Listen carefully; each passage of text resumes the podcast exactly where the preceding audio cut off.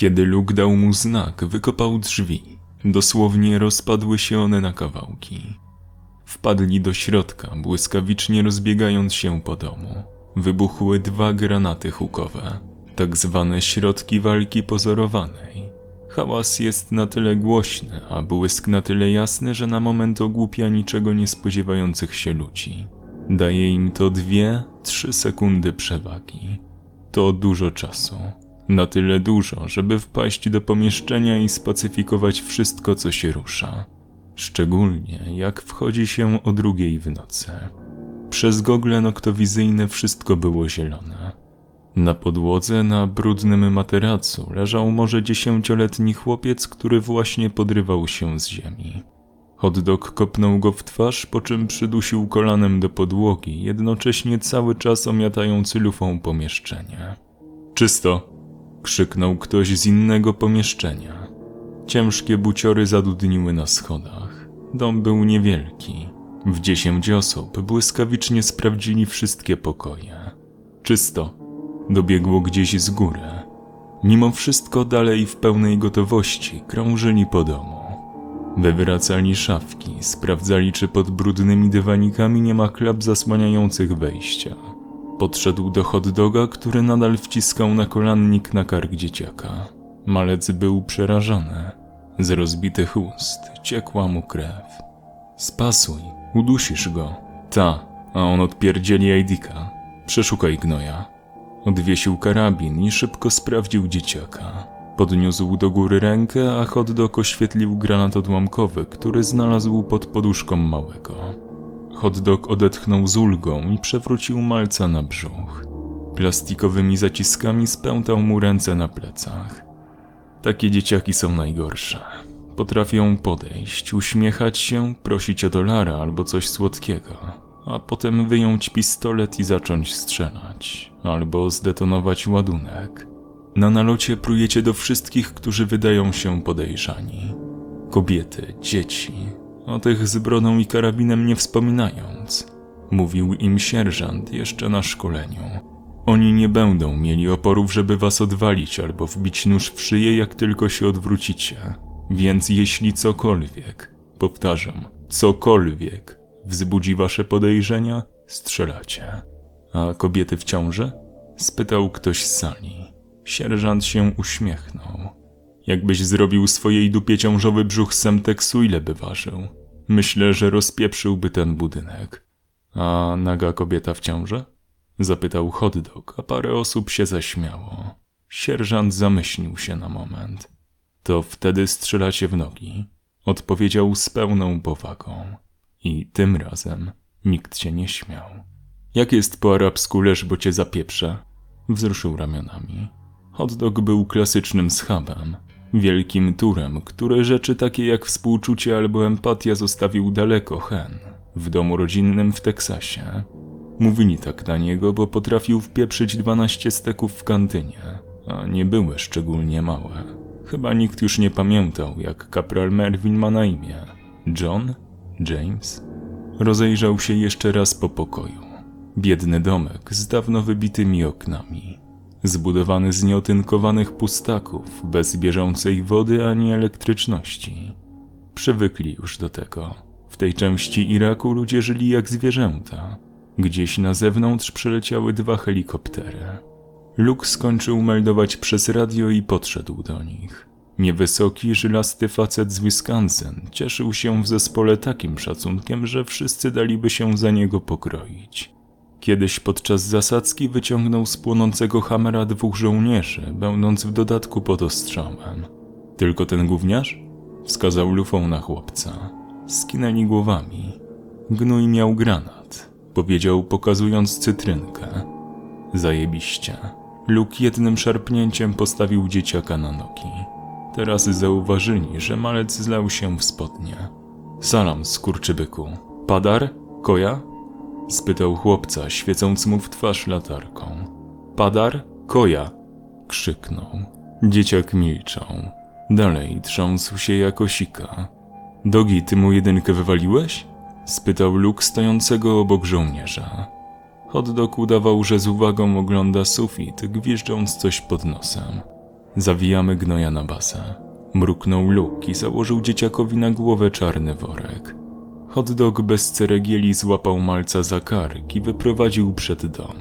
Na pokrytej wysuszoną trawą parceli lądował właśnie Black Hawk. Wszyscy świecili już latarkami i zrezygnowali z noktowizorów, a helikoptery dodatkowo oświetlały okolice reflektorami. Adrenalina powoli z nich schodziła. Robiąc nalot, mieli spacyfikować przynajmniej kilkanaście osób, a w kryjówce bojowników znaleźli tylko tego dzieciaka. W dodatku żadnej broni ani sprzętu. Może informator kłamał. Ruszył w stronę wyjścia, przez które wyszedł hot dog i wtedy coś wybuchło. Rzuciło nim do tyłu z taką siłą, że prawie popękały mu kości. Zwalił się na ziemię, słysząc jedynie piszczenie. Poczuł, jak wszystko zatrzęsło się jeszcze raz. Potem kolejne i jeszcze jeden. Obłok pyłu był tak gęsty, że nic nie widział. Przewrócił się na brzuch i zaczął czołgać w miejsce, gdzie powinien upaść jego karabin. Nie słyszał praktycznie nic. Przeciążony hukiem słuch sprawiał, że krzyki i wystrzały słyszał jakby spod wody. Jest. Półprzytomny sprawdził karabin i przełączył na ogień ciągły. Wypluł piasek, krew i chyba dwa zęby. RPG. Wrzeszczał ktoś przez radio. Potem znowu coś wybuchło. Przywarł plecami do ściany, na moment wyglądając przez okno. Płonący śmigłowiec leżał na boku. Dookoła unosiły się chmury pyłu.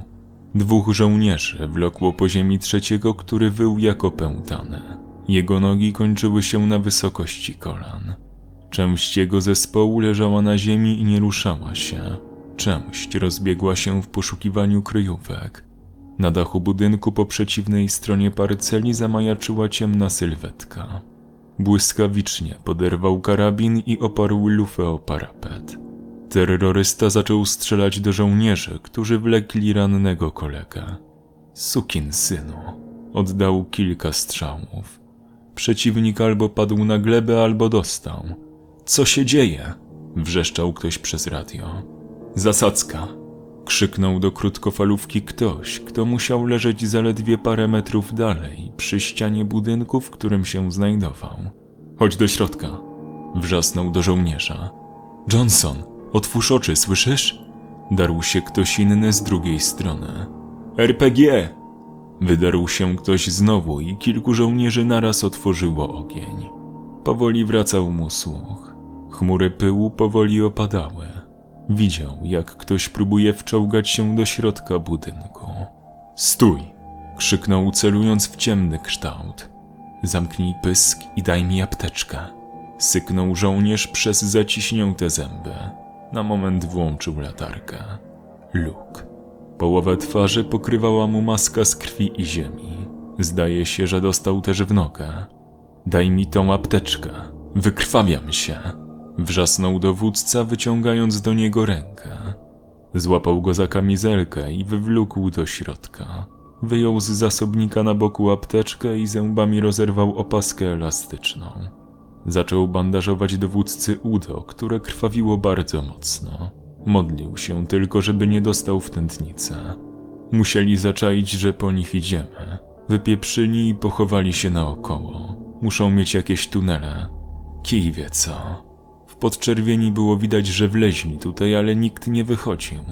Luke gadał jak nakręcony, odpluwając co jakiś czas krew i piasek. Masz radio? Muszę mieć radio, daj mi je.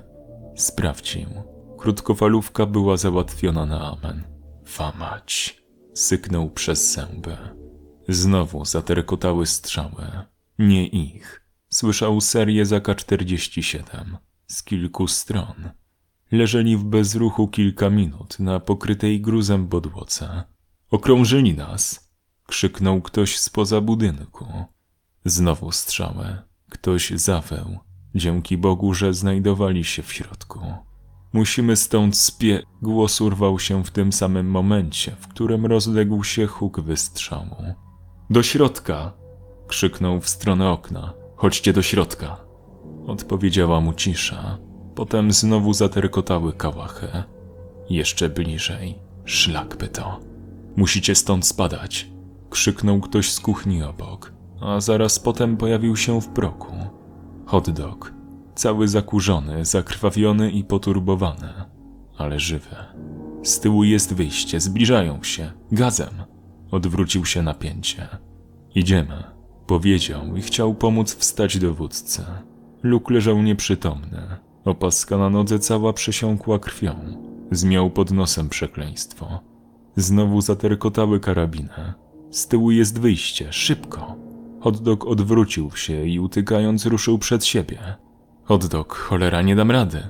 Dasz, odpowiedział i wszedł do kuchni. Zarzucił dowódcę na plecy i krzyknął z bólu. Poobijane ciało bolało jak diabli, a płuca paliły żywym ogniem. Nie da rady. Na Boga, nie da rady. Luke jęknął coś. Miał wrażenie, że wszystko jakby ucichło. Wziął głęboki wdech. Zaczął biec. Z dowódcą na plecach. Z kilkunastokilogramowym ekwipunkiem. Roztrącając resztki półek i naczyń walające się po podłodze kuchni. Obrócił się bokiem i staranowali drzwi wejściowe z tyłu domku. Gdzieś za nimi coś eksplodowało. Pot zalewał mu oczy, a przed sobą widział plecy hot doga, który był przed nimi jakieś 10 metrów.